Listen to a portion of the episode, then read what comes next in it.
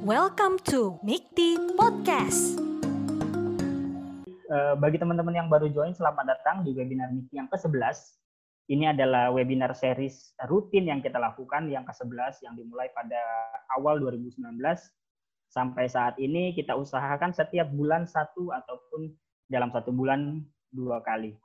Nah, uh, di webinar yang ke-11 ini kita mengundang Mas Yopi dari M Target, di mana M Target ini adalah email marketing dan, dan automation tools yang saya lihat uh, punya progres yang sangat yang sangat signifikan yang kita lihat uh, M Target tidak hanya beroperasi di Indonesia, tapi yang terakhir saya lihat dia sudah beroperasi di Malaysia, di Singapura, sungguh sangat luar biasa sudah uh, go internasional.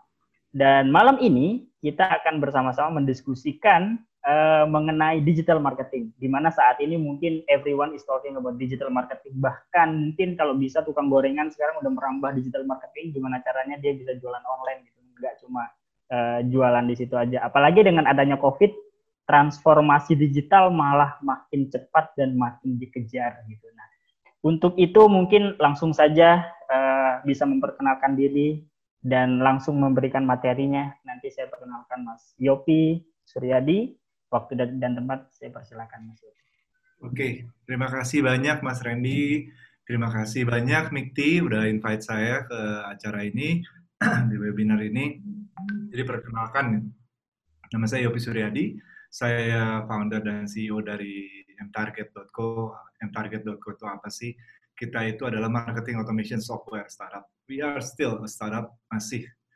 Uh, apa yang kita lakukan we help companies melakukan mengirimkan personal message automate the process and measure. Jadi tiga hal tiga ruang lingkup pekerjaan besar yang yang dilakukan oleh para digital marketer sekarang saat ini adalah memberikan message yang personal. Jadi saat ini uh, kalau kita dengar dengan istilah uh, marketing ya tanpa digital nanti ya, artinya gitu loh. Pesan yang diberikan ya general dan untuk siapa saja. Tapi kalau digital marketing kita berbicara makin hari itu harusnya semakin personal. Jadi saya menerima menerima pesan yang benar-benar memang buat saya, rasanya buat saya gitu. M Target sendiri kita mulai dari tahun 2017 uh, eh, dengan nama Mail Target. Pada waktu itu kita email marketing company aja sampai berjalan di sekitar 2018, 2019 kita kita mulai mulai expand our product dan dan terakhir itu kita sekarang jadi marketing automation software juga ada ada CRM dan lumayan uh, lumayan tambah banyak fitur-fiturnya berdasarkan dari yang kita dari klien-klien kita. Saat ini kita beroperasi ya ada di di Singapura dan di Malaysia cuman memang fokus untuk sekarang ini kami uh, benar-benar berfokus di Indonesia sekarang begitu. Nah, um, topik malam malam ini nih ya uh, digital marketing role for startup growth in Indonesia. Jadi uh, di sini bisa angkat tangan nggak sih? Bisa raise hand nggak sih? Saya boleh tanya teman-teman di sini ada yang uh, jalanin startup sendiri? Kasih jempol aja kalau gitu. Nah, Jadi kasih bisa jempol aja juga, kelihatan. Saya bisa lihat. Oke, okay, oke. Okay. Terus uh, ada yang digital marketers? Ada juga ya. Uh, atau yang mahasiswa. Oke, okay, saya saya ucapkan selamat datang. Semoga apa yang dibagikan uh, cukup bermanfaat. Oke, saya saya mulai aja langsung. Saya share screen ya. Oh, ada mahasiswa Markom. Nice. Uh, saya share saya share screen sebentar. Oke.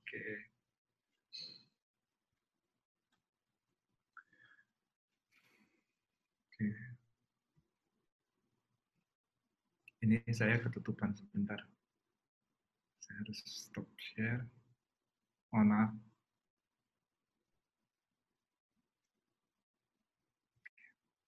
Ya.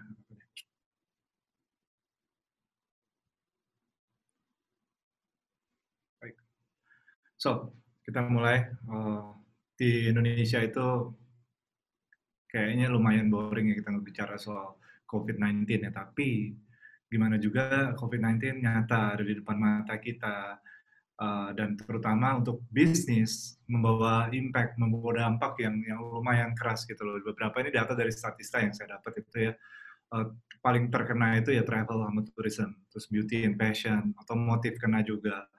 Uh, ya sisanya itu pelan pelan naik yang yang belum terkena impactnya banget mungkin gaming sama blockchain gaming mungkin bahkan naik ya sebetulnya saya yang nggak pernah main game ini sejak psbb sejak uh, sejak semi lockdown ini saya jadi belajar main game gitu.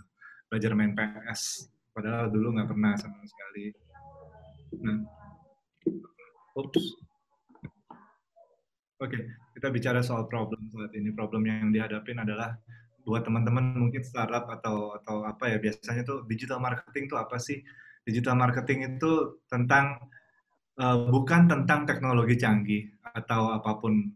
Pada dasarnya itu marketing, tetapi ditambah dengan digital itu adalah how we do things. Bagaimana kita melakukan segala sesuatunya. Yang tadinya pakai kertas dan bolpen kita catat, jam berapa masuk, jam berapa keluar, atau beli berapa, jual berapa, atau segala macam. Sekarang udah bisa, habis itu lama-lama pakai pakai yang namanya uh, Excel. Habis itu sekarang pakai cloud, mungkin pakai paper, pakai Dropbox atau yang lainnya yang benar-benar cloud sinkron. Itu sebetulnya how we do things. Sama seperti dulu, cuma bedanya sekarang bisa real time dan bisa kolaborasi dan bisa kapan aja. Nah, pertanyaan pertama tuh begitu masuk digital marketing ya, saya saya sering dapat uh, pertanyaan pertama nih, do you not know where to start? nggak tahu mau mulai dari mana. Saya banyak dapat ketemu ngobrol sama sama orang-orang. Waduh, ekonomi lesu banget segala macam. Ini semua sepi. By all means, Indonesia itu sekarang saat ini memang turun ya, tapi kita itu ada di puncak di puncak ekonomi sebetulnya. Cuman problemnya ada di digital semua. Nah, banyak sekali yang tahu harus ke area digital, tetapi nggak tahu harus apa dulu pertama gitu loh.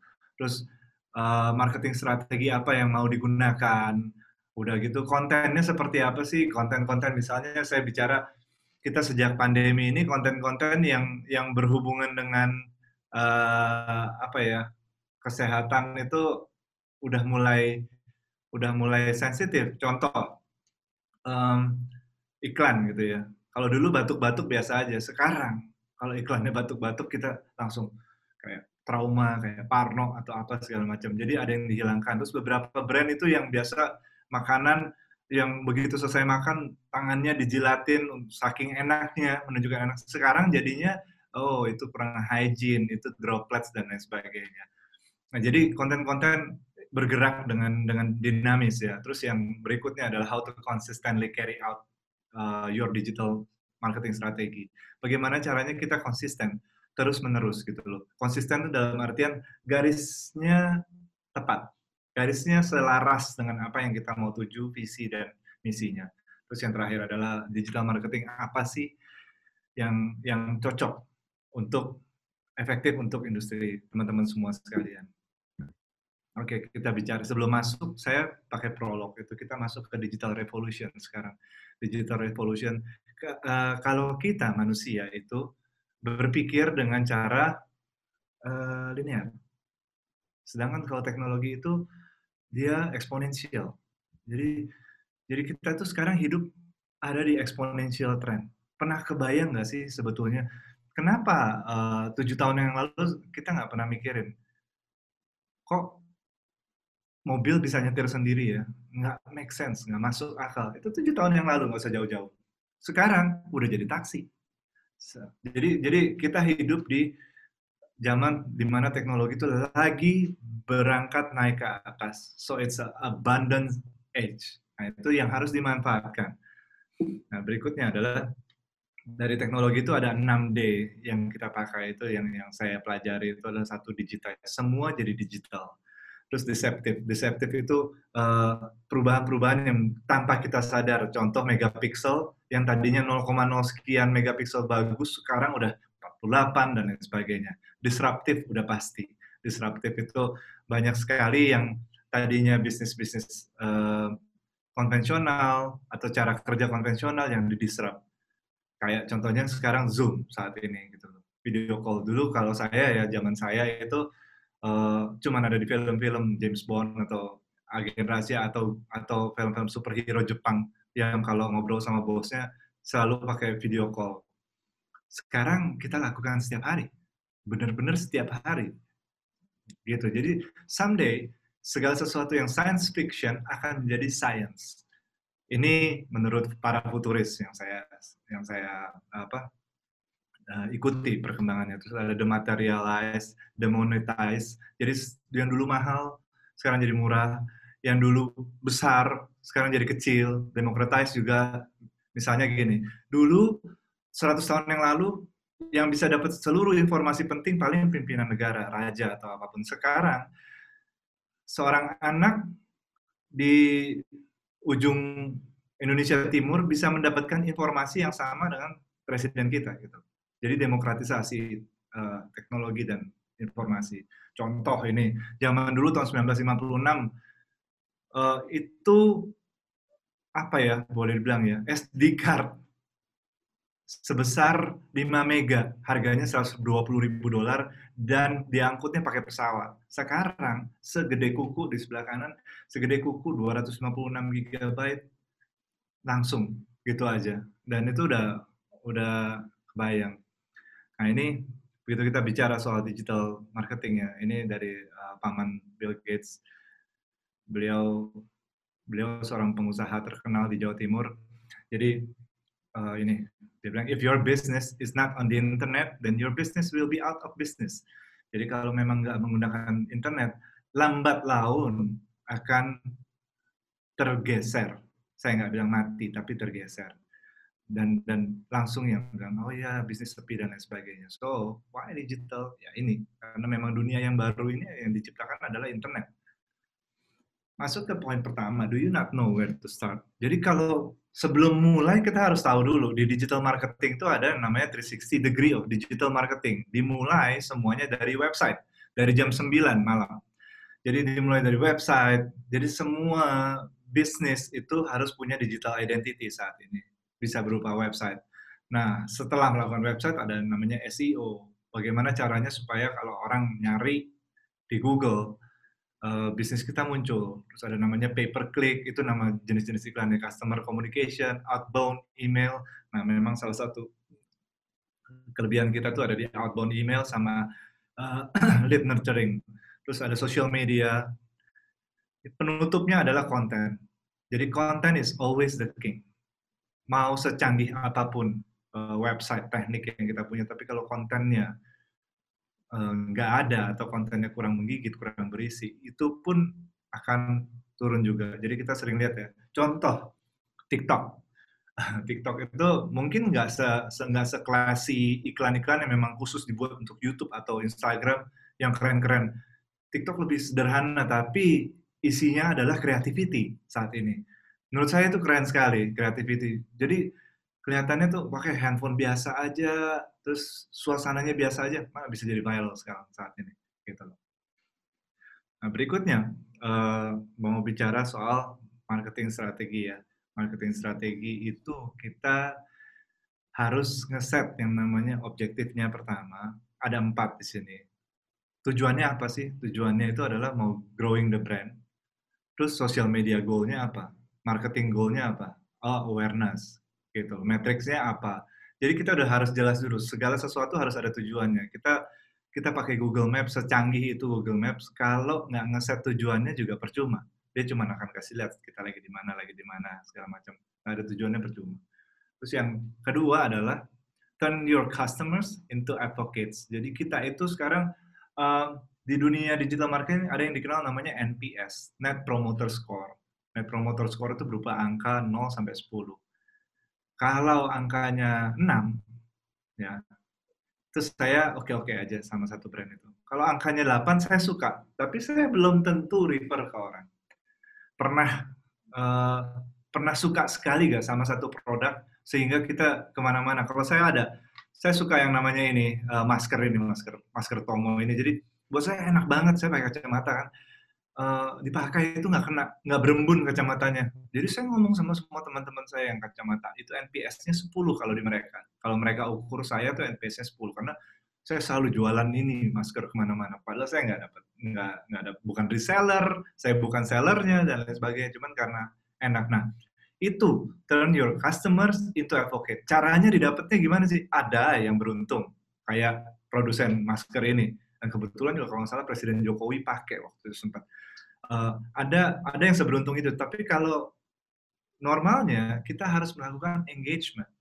Engagement kalau di sosial media itu bisa berupa uh, apa ya like, comment. Jadi sekarang itu followers itu hanya untuk awareness. Tapi kalau buat engagement itu harus yang benar-benar uh, berapa banyak dimension. Makanya sekarang konten-konten itu banyak yang berupa sifatnya pertanyaan, survei, polling atau apa pun itu supaya supaya komennya banyak itu gunanya untuk menjaga hubungan. Nggak harus langsung jualan, tapi menjaga hubungan. Yang ketiga adalah buat saya sebagai startup, apa pun yang kita lakukan, kegiatan digital marketing itu harus menghasilkan leads dan sales.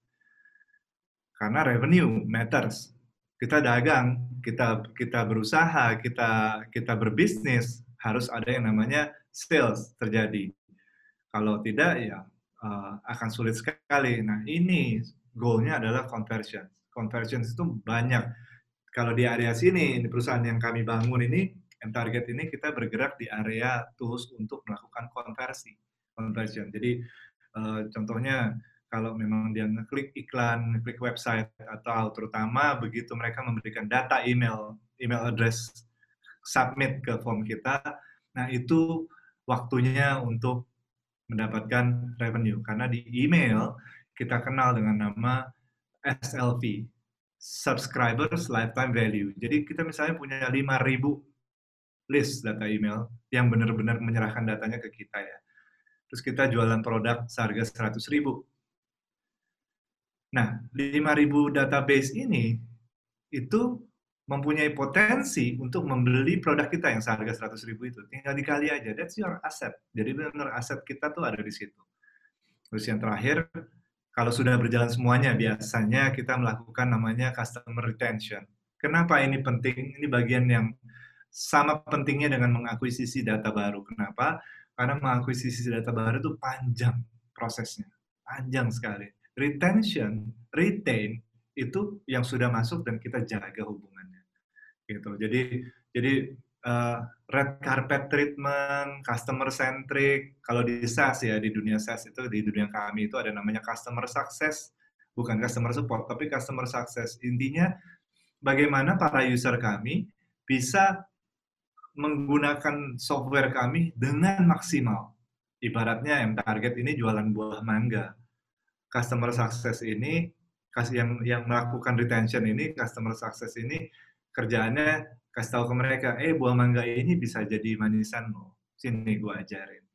Nah, ini bisa jadi jus mangga lo, sini kan kita kita bantu untuk maksimal.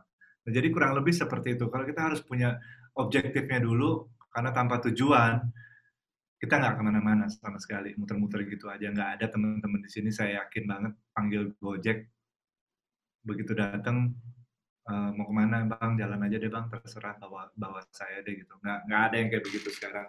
Jadi semua harus ada tujuan. Objektifnya adalah grow the brand dan customers itu advocates yaitu engagement drive leads and sales. Ini poin yang saya highlight uh, conversion is the most important thing saat ini. Dan yang terakhir nggak kalah penting juga improve customer retention. Caranya dengan menggunakan testimonial dari para user kita atau uh, dengan dengan cara begitu mereka akan menyebarkan dengan sendirinya ya. Berikutnya berbicara tentang konten, what kind of content required saat ini. Yang tadi saya udah udah sempat jelaskan. Um, di kita itu konten itu sebelum masuk lebih dalam lagi kita harus tahu bahwa ada yang namanya tipe-tipe user berdasarkan demografik, profil, interest, sama nilai-nilai apa yang mereka pegang. Terus yang paling penting adalah uh, pain point-nya mereka apa, problem yang mereka hadapi apa. Terus habis itu kita bangun yang namanya buyer persona. Terus yang berikutnya social media platform yang mereka lakukan apa. Ini gimana cara nentuin ini? Karena biasanya startup terutama teman-teman startup termasuk saya sendiri di awal-awal waktu bikin satu produk gitu satu startup ditanya siapa target customer kamu? Saya bilang semua orang. Ternyata itu kurang tepat. Jadi kalau kita membuat sesuatu bisnis, startup atau segala macam, kita harus tahu detail siapa target market kita, seperti apa kelakuannya, behaviornya, terus mereka ini bacanya apa, itu sampai detail seperti itu. Bahkan kalau perlu dikasih nama. Kenapa begitu? Karena waktu itu saya dapat pelajaran. Facebook pada awalnya dibuat bukan buat semua orang seperti sekarang ini, tapi Facebook dibuat hanya khusus untuk mahasiswa Harvard waktu itu. Khusus mahasiswa Harvard. Yang lain aja nggak bisa masuk. Mahasiswa uh, Trisakti gitu ya, nggak bisa masuk waktu itu. Atau nggak yang di sekeliling mereka. Sampai sekarang mereka untuk 2 miliar orang di bumi ini. 2 miliar orang. Wow. Gitu. Jadi uh, teman-teman tentuin dulu siapa, sukanya apa, nongkrongnya di mana, problemnya mereka apa. Paling penting adalah problem. Dari lima ini paling penting buat saya problem. Jadi uh, kalau nggak solving problem, kita cuma nice to have. Nice to have itu sesuatu yang menyakitkan. Dibeli oke, okay, nggak dibeli juga nggak apa-apa gitu loh. Ya, terus uh, nongkrongnya di mana? Itu kalau di zaman-zaman awal Airbnb mereka itu ke kompetitor, ke Craigslist. Tawar-tawarin orang lagi nyari-nyari sono. Itu namanya growth hacking, gitu ya. Tapi itu kita belum belajar sampai ke sono, menurut saya. Oke, okay. kita bicara soal sales dan marketing funnel. Kenapa sih bicara seperti ini marketing dan sales? Kalau zaman dulu marketing itu identik dengan segerombolan orang yang kerjanya menghabiskan uang perusahaan. Kalau sales itu adalah segerombolan orang yang kerjaannya menghasilkan uang bagi perusahaan. Sekarang nggak bisa. Sekarang harus hybrid. Orang marketing harus bisa melakukan sales. Orang sales harus bisa melakukan marketing. Kalau nggak, nggak, nggak berjalan. Jadi hybrid sekarang. Nah, dari traffic ini kita kenal yang namanya tiga funnel. Ini yang tadi ya, nyambung dari yang tadi itu saya kasih dari top of the funnel atau tofu, middle of the funnel atau mofu, bottom of the funnel atau bofu. Ini apa sih? Nama grup band bukan? Bukan. Dulu ada grup band Uya Kuya, namanya tofu. Top of the funnel itu top of the funnel itu adalah orang-orang yang tidak tahu brand kita, tetapi mempunyai problem yang sama. Contoh, Contohnya adalah saya suka minum kopi gitu. Dan biasanya setiap pagi saya ke Starbucks misalnya saya sebut brand ke Starbucks untuk beli kopi. Tapi saat ini kan pandemi kan kita nggak bisa ke mana-mana seenaknya sesuka hati. Tapi saya tetap mau punya kebiasaan setiap pagi minum kopi karena saya uh, agak repot kalau bikin sendiri. Gitu loh. Nah ada satu brand namanya Starbucks misalnya Starbucks pakai P. Uh, mereka menawarkan servis kalau dianterin kopinya setiap pagi mau nggak? Wah, buat saya sih menyenangkan dianterin kopi setiap pagi. Uh, gitu. Cuman saya belum tahu ada namanya Starbucks. Cuman kita punya problemnya. We share the same problem. Itu tofu. Top of the funnel. Gitu ya. Cara cara untuk menggait orang-orang ini ya tadi setelah tahu demographic profile dan lain sebagainya orang-orang seperti saya misalnya uh, umurnya kepala empat, terus uh, sukanya ngopi, terus apalagi ya sepeda misalnya, terus ya udah mereka akan menyasar dari ads, menargetkan orang-orang seperti itu. Itu ada yang lagi namanya Google Ads sama Facebook Ads. Facebook Ads itu perlu satu kelas lagi sendiri untuk untuk belajar tentang itu. Nah, kesalahan yang dilakukan biasanya di area tofu ini adalah baru kenal langsung jualan. Kita pun kalau ketemu orang eh salaman terus langsung dia jualan. Kita juga agak-agak risih ya. Nah, sama halnya di, di dunia digital marketing. Itu sebabnya kita harus sharing problems dulu. Itu makanya di blog-blog kalau kami menggunakan strategi blog di blog itu kita selalu bahas tentang uh, problem-problem uh, yang dihadapin sama sama mereka-mereka ini sama orang-orang yang menggunakan share problem. Balik ke tadi yang pertama setelah saya punya blog kita punya blog kita punya website kita melakukan SEO Eh, kita bikin SEO friendly. Jadi begitu orang cari problemnya, uh, bagaimana cara mengirim email yang banyak? Ah, dapatnya ke M-Target gitu loh.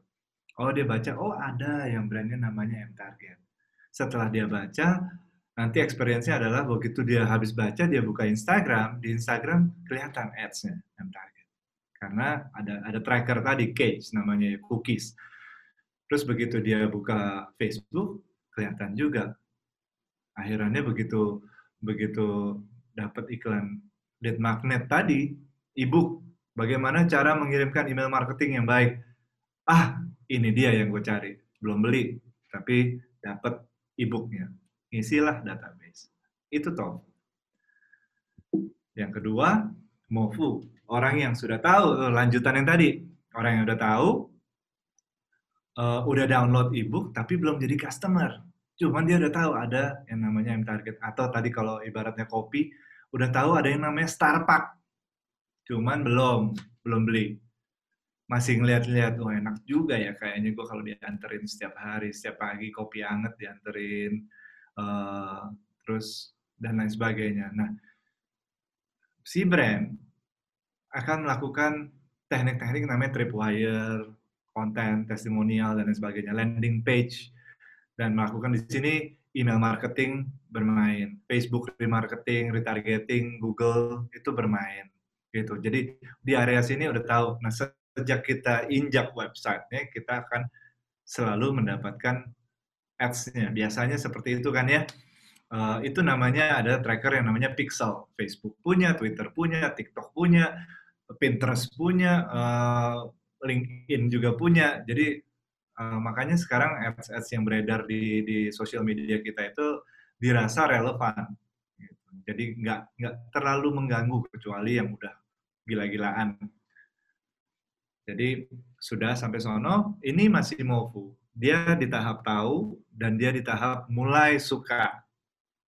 Berikutnya masuk ke bofu. Bofu itu bottom of the funnel, orang-orang yang sudah siap untuk membeli dia udah cari-cari harga yang baik segala macam. Nah, saatnya di area Bofu ini melakukan kegiatan yang namanya konversi. Biasanya dilakukan kalau produk kita cukup mahal, biasa datang namanya sales pitch dan lain sebagainya. Tapi kalau misalnya kita jualnya produknya yang yang bisa masif dan harganya tidak terlalu mahal, kita bisa melakukan melalui email marketing, bisa dengan WhatsApp juga, atau SMS, atau bahkan di telepon satu-satu. Cuman dari perhitungan biaya, yang saya biasanya yang kita lakukan adalah melalui email, karena jelas lebih ekonomis saat ini. Isi kontennya seperti apa? Isi kontennya udah bukan lagi perkenalan, bahas problem, isi kontennya udah benar-benar kenapa kalian harus membeli dari kita? Karena satu, kita ada diskon, bla bla bla yang kedua, kalau beli lagi, buy one get one, apa segala macam. Semua teknik diskon itu kita kasih atau semua yang kita punya uh, di budget marketing kita yang bisa kita berikan itu promosi diskon atau bonus itu kita keluarkan dia untuk user di area Bofuin.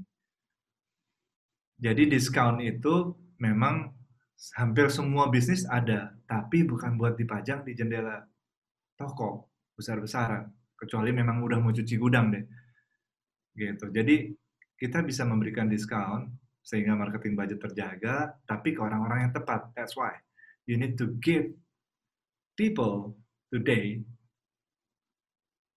the right message to the right people at the right time. Gitu loh. Jadi, nah ini funnelnya seperti ini dari tofu, mofu, dan kebofu. Nah, paling penting dari semuanya itu adalah mempunyai goals saat ini ya. Uh, jadi buat teman-teman itu punya goals itu penting sekali untuk tidak. Nah berikutnya, how to consistently carry out your digital marketing strategy. Jadi kita tuh digital marketing workflow itu bekerja seperti ini. Mau goalnya apa? Awareness, acquisition, nurture, atau conversion. Setelah di-convert, balik lagi ke nurture. Itu namanya retention. Kenapa lebih murah ya? Jelas, nggak perlu melewati fase awareness, acquisition lagi. Makanya begitu kita punya user, punya buyer, punya subscribers, dijaga banget-banget. Misalnya ada newsletter, kita nggak ngirimin sehari lima kali. Jadi kita ngiriminnya ya uh, sesuai dengan behavior mereka karena setiap digital marketing tools tuh biasanya ada analytics-nya. Analytics gunanya apa sih? Bukan buat cuma nice to have aja. Oh, kita yang uh, yang klik banyak, open rates banyak enggak, tapi berdasarkan itu kita bisa mengambil langkah berikutnya. Mana yang cocok? Kalau dikirimin setiap hari, apakah open rate-nya berkurang atau bertambah itu segala macam. Nah, ini um, ini lima fase di di digital marketing workflow. Tinggal buat saya ya, leaders of the company, startup, atau di tim digital marketing, harus punya namanya North Star. North Star itu apa sih? North Star itu ya, pokoknya dari setengah tahun ini goal kita adalah awareness. Ya udah, semuanya kegiatannya dilakukan itu untuk mengambil awareness. Misalnya begitu ngomong awareness selama setengah tahun, kencangin di sosial media, Cuman setelah itu porsinya berapa persen untuk akuisisi. Gitu. Jadi jadi kita itu begitu lihat oh, buat saya akuisisi paling penting.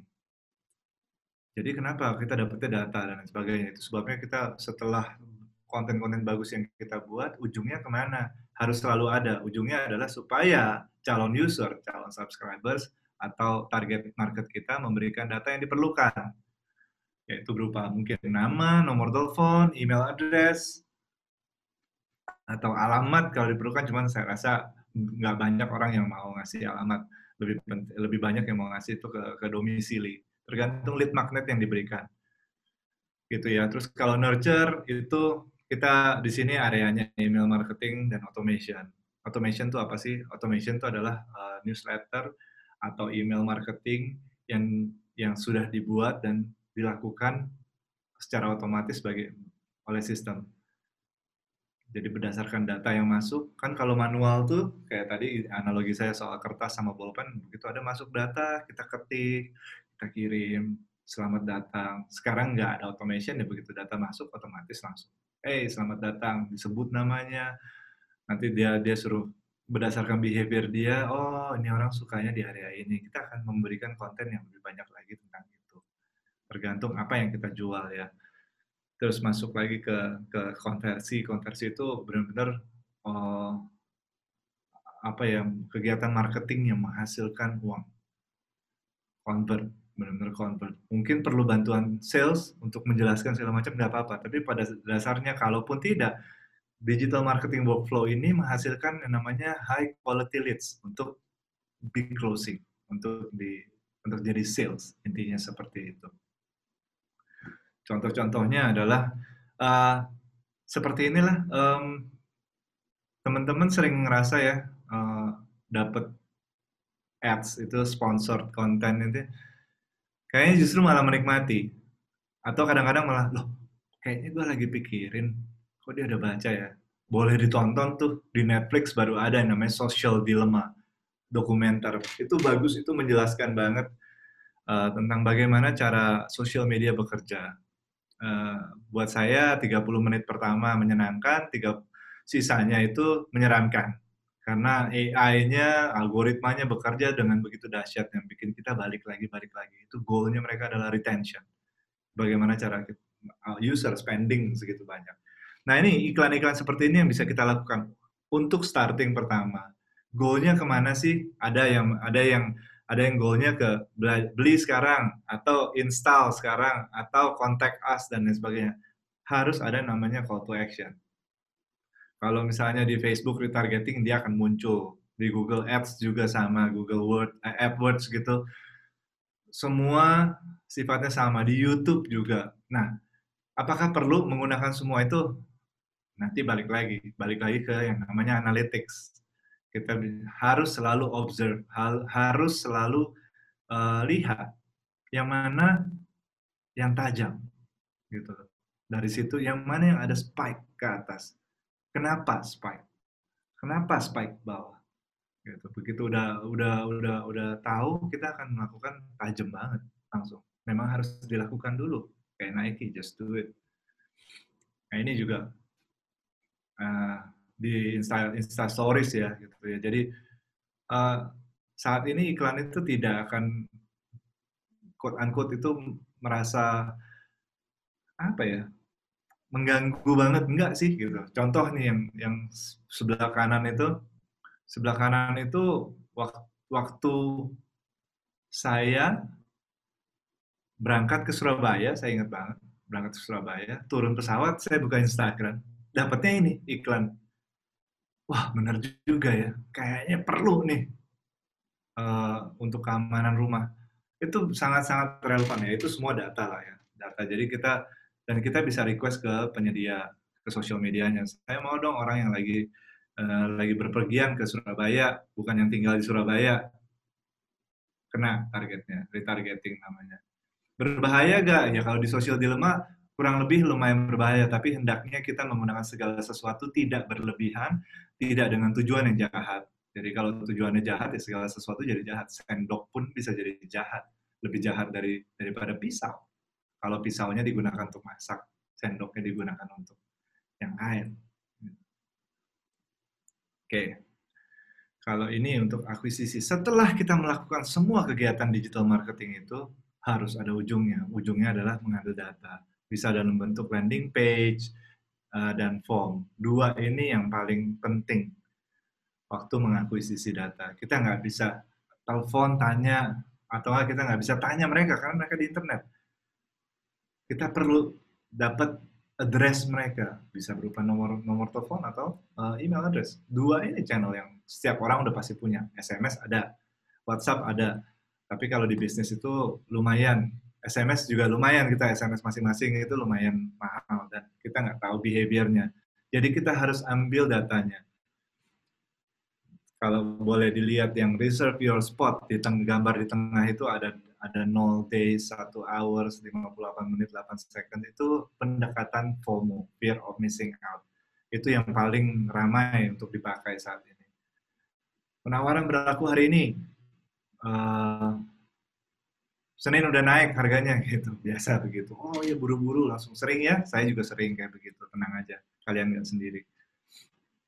Berikutnya, which digital marketing is right and effective for your industry, kita itu berbicara lagi uh, soal yang namanya audiensnya. Jadi begitu tadi uh, saya apa perlu saya pakai semuanya? No, nggak sama sekali. Buat saya uh, segala sesuatu itu harus diuji. Segala sesuatu harus diuji dulu. Jadi mulai dari channel misalnya Twitter, Instagram, Facebook dan sebagainya, ya kita bisa lihat dulu di sini. Tapi ternyata produk kita nggak cocok. Misalnya nih, contoh M Target kita target marketnya enterprise, tapi kita punya Snapchat, Snapchatnya mungkin aja cocok, tapi rasanya target market kita bukan orang-orang yang menggunakan Snapchat. Jadi jangan dipaksa, jangan semua semua channel digunakan karena apa? Karena uh, setiap channel punya karakternya sendiri, setiap sosial media punya karakternya sendiri. Konten itu akan berubah-ubah mengikuti karakter sosial medianya contoh contoh sederhana adalah bentuk bentuk postingannya aja deh. Biasa kita nih di tim kami kalau mau posting di Instagram udah siapin dulu versi versi postingannya, versi storiesnya. Uh, kalau di Facebook ada ukurannya lagi supaya pas dilihat orang tanpa perlu diklik atau diapain. Di LinkedIn juga beda juga ukurannya. Jadi uh, teman-teman harus pilih-pilih bijak gitu ya. saran saya adalah dites semuanya, dilihat yang mana yang paling yang paling bagus. Kenapa? Karena namanya analytics kita melihat ada pergerakan naik. Kenapa naiknya? Apakah kita bisa ulang? Bisa bikin lebih lagi? Nah, itu gunanya. Kita selalu mengasah pisau dari sisi yang tajam. Yang nggak tajam jangan dipaksa untuk tajam. Di hold dulu. Kita nggak pernah ngasah pisau dari gagangnya. Jadi selalu asah pisau dari sisi yang tajam. Begitu juga dengan channel uh, digital marketing yang kita gunakan. So, saya uh, saya rangkum ulang dari tadi uh, setelah kita tahu audiensnya apa, seperti apa, buyer persona punya terus habis itu goalnya apa, mau awareness atau mau convert. Kalau saya saat-saat seperti ini, ya kita gimana juga revenue matters, sales matters. Jadi selalu goalsnya ke sono ujung-ujungnya. Dan kalau dari penggunaan retention, menjaga user yang sudah jadi user kita itu lebih mudah dan murah daripada mengakuisisi user baru. Ya walaupun tetap harus dilakukan ya. Yang terakhir, pilih channel sesuai dengan uh, karakter produk startup kita, company kita, brand kita. Gitu. Dan dengan sedikit pengetahuan ini, kita setidak-tidaknya kita bisa mempunyai framework kerja dulu. Frameworknya dulu. Oke, okay, objektif gue ini. Goalnya ini, yang akan digunakan ini. Targetnya ini. Kalau di startup, saya biasa punya uh, punya satu satu formula itu ya. My company build this to help who, doing what with our secret sauce. Jadi kita udah harus tahu dulu perusahaan kita buat apa untuk membantu siapa. Semuanya harus tajam, harus detail. Gitu. So, thank you teman-teman. Kita lanjut nanti di Q&A kalau ada pertanyaan. Semoga saya bicara tidak terlalu cepat. Uh, dan bisa dimengerti. Thank you. Iya, terima kasih banyak Mas Sopi. Wah, nggak berasa udah hampir 40 menit. Kalau kata orang sekarang isinya daging semua. Kayaknya hal-hal ilmu-ilmu baru yang kita dapatkan malam hari. Sangat-sangat luar biasa. Bagi teman-teman yang mungkin ada beberapa ada pertanyaan yang tersirat pas presentasi tadi Mas Yopi, mungkin bisa disampaikan melalui uh, melalui kolom chat nanti bisa saya bacakan ataupun uh, nanti bisa kita jawab satu persatu. Tapi sebelum itu Mas Yofi mungkin ada satu pertanyaan lah dari saya. Kan uh, saat ini di tengah-tengah pandemi saat ini kan Indonesia lagi mempersiapkan untuk pilkada di beberapa daerah. Nah, ini uh, agak sedikit kita membicarakan tentang politik ya. Nah, memungkinkan nggak sih kira-kira digital marketing dijadikan salah satu uh, salah satu mungkin calon di pilkada tersebut untuk mengakuisisi kita bilang customer untuk mendukung dia. Dia mem memanfaatkan digital marketing untuk melakukan memungkinkan nggak kira-kira menurut Mas Yopi? Menurut saya sangat memungkinkan sekali ya karena namanya channel harus digunakan. Uh, cuman kalau di saya belum tahu di Indonesia apakah sudah cukup uh, mature gitu ya. Kita uh, boleh coba ditonton tuh Social Dilemma tuh. Uh, mereka itu bagaimana politik terlibat di dalam sosial media itu. Nah kalau cuman kalau balik lagi memang tujuan tools ya sebagai digital marketing activity ya. Buat saya sah-sah aja sih untuk melakukan kegiatan digital marketing untuk mengakuisisi orang uh, istilahnya dengan dulu dengan duit ya. Duitnya itu dalam artian kita membayar ads segala macam. Ya sama aja. Setiap akuisisi ada lead magnetnya.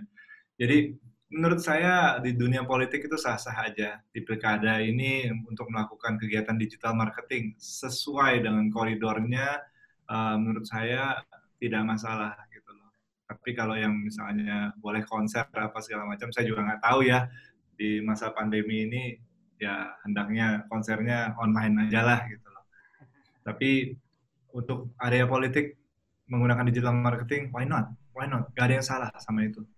Oh. Gak ada yang salah. Wah, sip. Mungkin kalau ada yang bergerak di bidang politik malam ini menyaksikan bisa dijadikan referensi gitu. Atau bisa menghubungin M Target untuk konsultasi. Oke, baiklah. Ini ada beberapa pertanyaan Mas Sofi yang sudah ada di di di ini kita kolom chat. Ini saya bantu bacakan dari uh, Mustafa Akmal. Kak mau tanya dong, kalau kita mau membangun startup sendiri, kan itu membutuhkan kecerdasan yang lumayan harus menguasai setidaknya front end dan back end. Nah, bagaimana jika kita cuma menguasai front end saja? dalam kurung HTML dan CSS. Menurut Mas Yopi bagaimana? Uh, menurut saya bagus. Uh, saya malah nggak bisa coding. Jadi modal modal utama seorang founders itu uh, adalah punya visi yang jelas. Uh, visinya apa? Uh, dari situ dari situ bergerak, cari orang yang sesu, sesuai dengan visi kita, satu visi, bergerak bersama.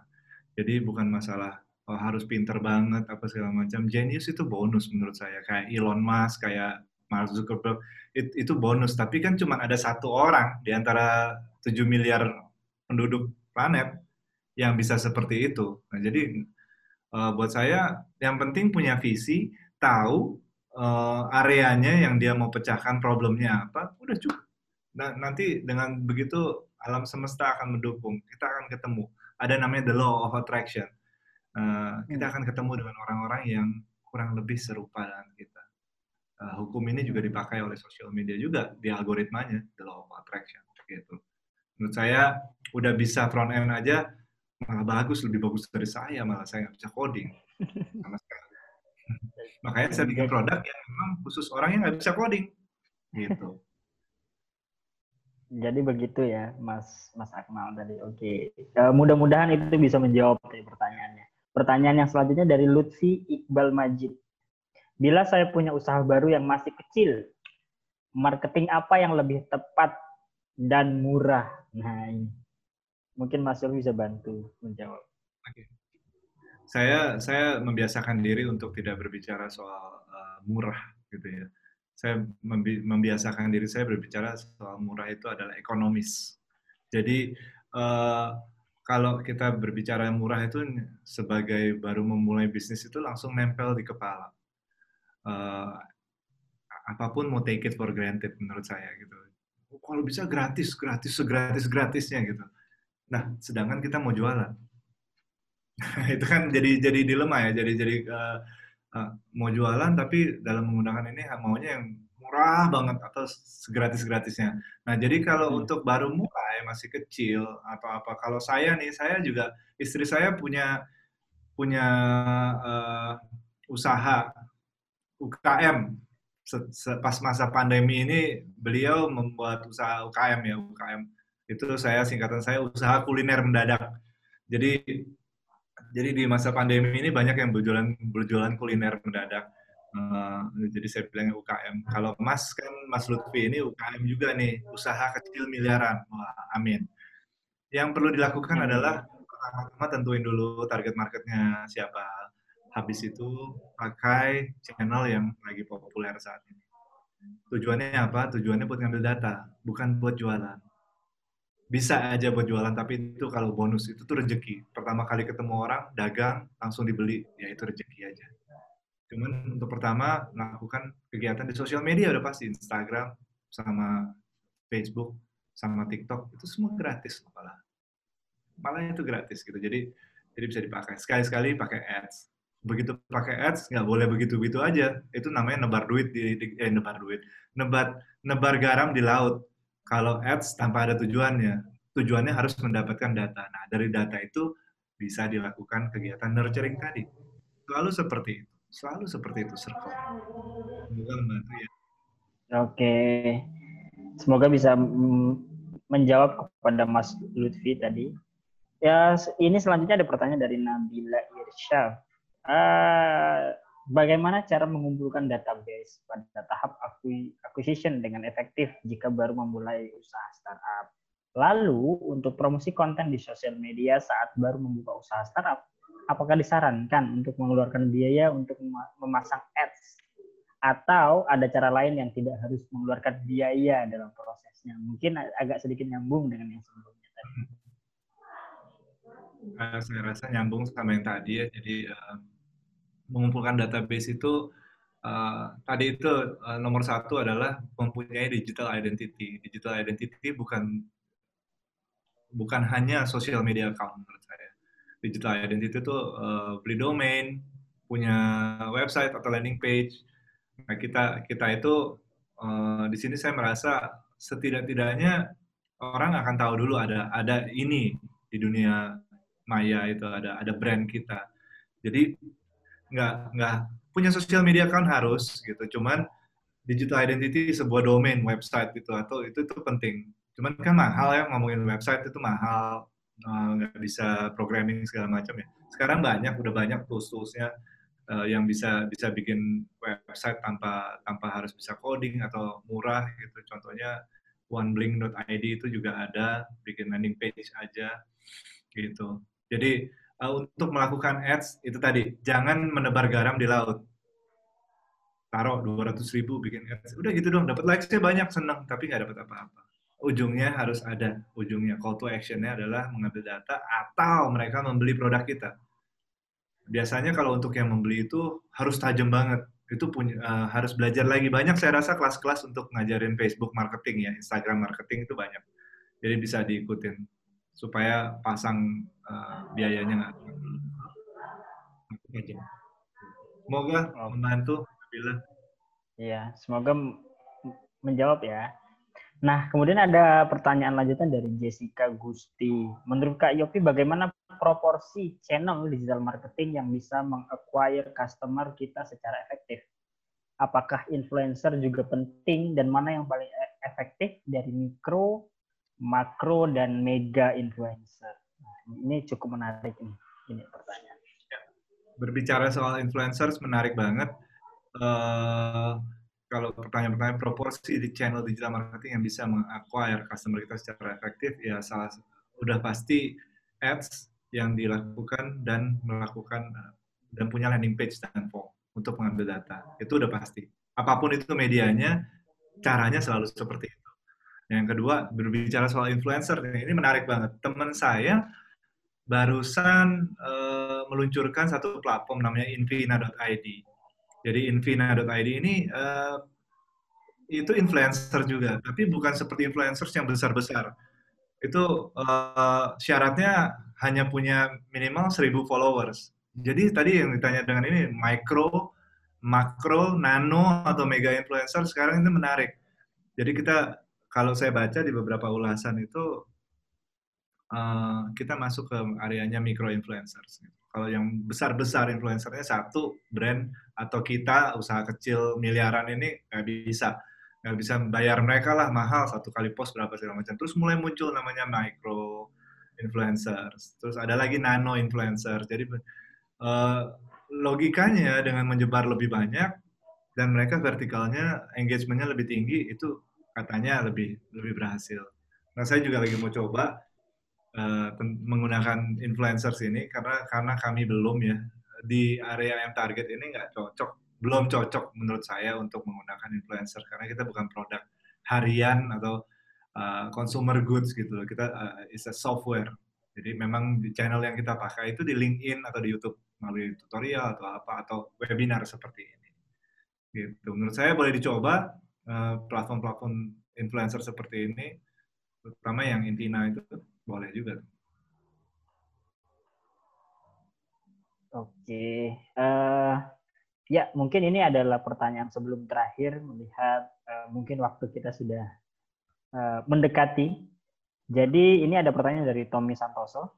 Kak, saya mau tanya, uh, apakah affiliate marketing juga termasuk dalam kegiatan digital marketing? Jika benar, lebih besar atau lebih efektif mana kontribusi dari affiliate marketing dengan CEO? Jadi kalau kita adu antara affiliate marketing dan SEO.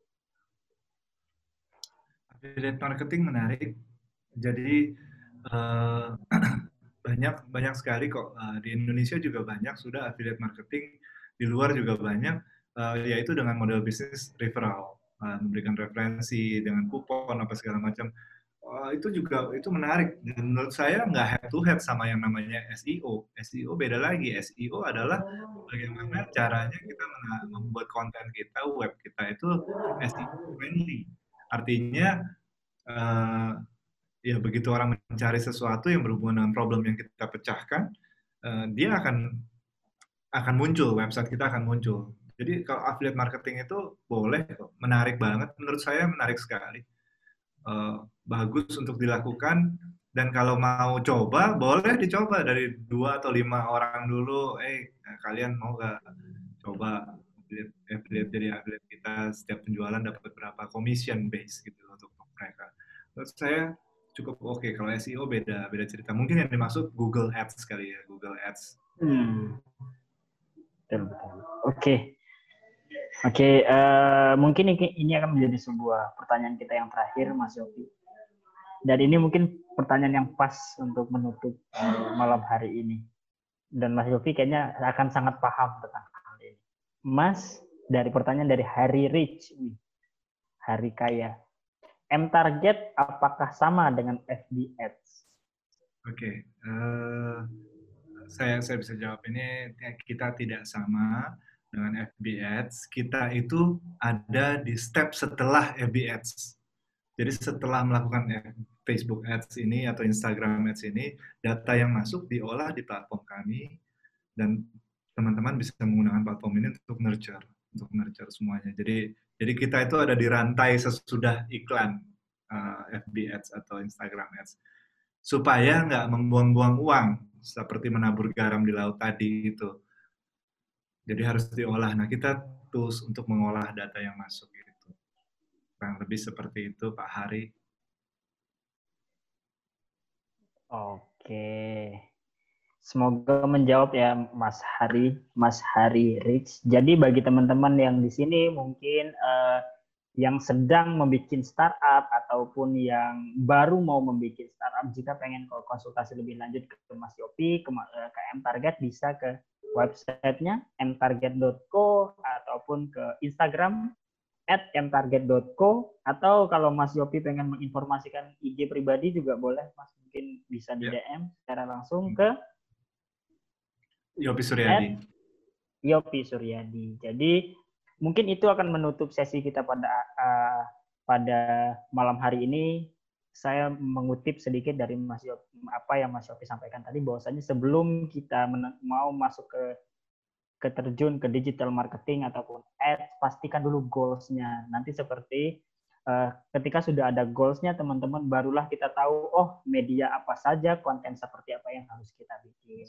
Kalau memang perlu bantuan yang lebih expert banyak sekali mungkin yang bisa membantu kita di luaran sana. Mungkin uh, kita tutup dengan closing statement dari Mas Yopi. Mungkin Mas Yopi bisa uh, memberikan closing statement pada malam okay. hari ini. Pada dasarnya uh, setiap kebiasaan kegiatan kita harus di, dilakukan yang namanya analisa uh, analytics gitu yang tadi ya uh, selalu asah pisau dari sisi yang paling tajam. Gimana caranya dapat area-area tajam hanya dengan melakukan baru kita tahu gitu. um, apa kita harus fail fast execute fast. Jadi kalau gagal tinggalin ganti lagi langsung. Agile namanya di startup itu agile. Kalau kalau gagal jangan nyesel nyesel jangan nangis nangis langsung berubah strategi cepat. Nah, itu aja buat saya. Digital marketing itu selalu seperti itu. Selalu ukur you cannot grow what you cannot measure. Apa yang nggak bisa diukur kita nggak bisa uh, tumbuhkan. Jadi itu penting sekali. Itu closing statement saya. Thank you, Randy, Mas Randy. Oh, Oke. Okay. Sebuah kata yang menarik dari Mas Yopi malam hari malam hari ini adalah uh, fail fast, execute fast. Wah, itu sangat-sangat menarik sekali untuk digital marketing. Oke, baiklah teman-teman, materi malam hari ini saya izin Mas Yopi, mungkin kita akan share ke grup yang bergabung pada malam hari ini uh, supaya mungkin bisa dipelajari lagi lebih lebih lanjut kepada teman-teman. Saya dari MIKTI mengucapkan terima kasih banyak kepada lebih dari 40 peserta malam hari ini yang terus naik sampai 45 tadi 4 uh, 42 sampai yang sampai kita closing 41 orang dan tidak bergeser. Terima kasih banyak dan terima kasih sekali lagi ke Mas Yopi Terima kasih. atas ketersediaan waktunya untuk untuk sharing dan kita harap nggak jangan bosan Mas. Dikti memang sering mengadakan kegiatan seperti ini dengan member kita member kita saat ini. Untuk talent lebih dari 23 ribu orang yang terdaftar dan seribu lebih startup yang uh, saat ini uh, ada di dalam list kita dan kita sering mengadakan event. Balik lagi tujuan kita adalah ingin mengembangkan ekosistem startup ataupun digital di seluruh Indonesia. Terima kasih sekali lagi saya ucapkan Mas Yofi atas ketersediaan semuanya. Terima kasih. Ya, terima kasih kepada teman-teman juga. Stay safe.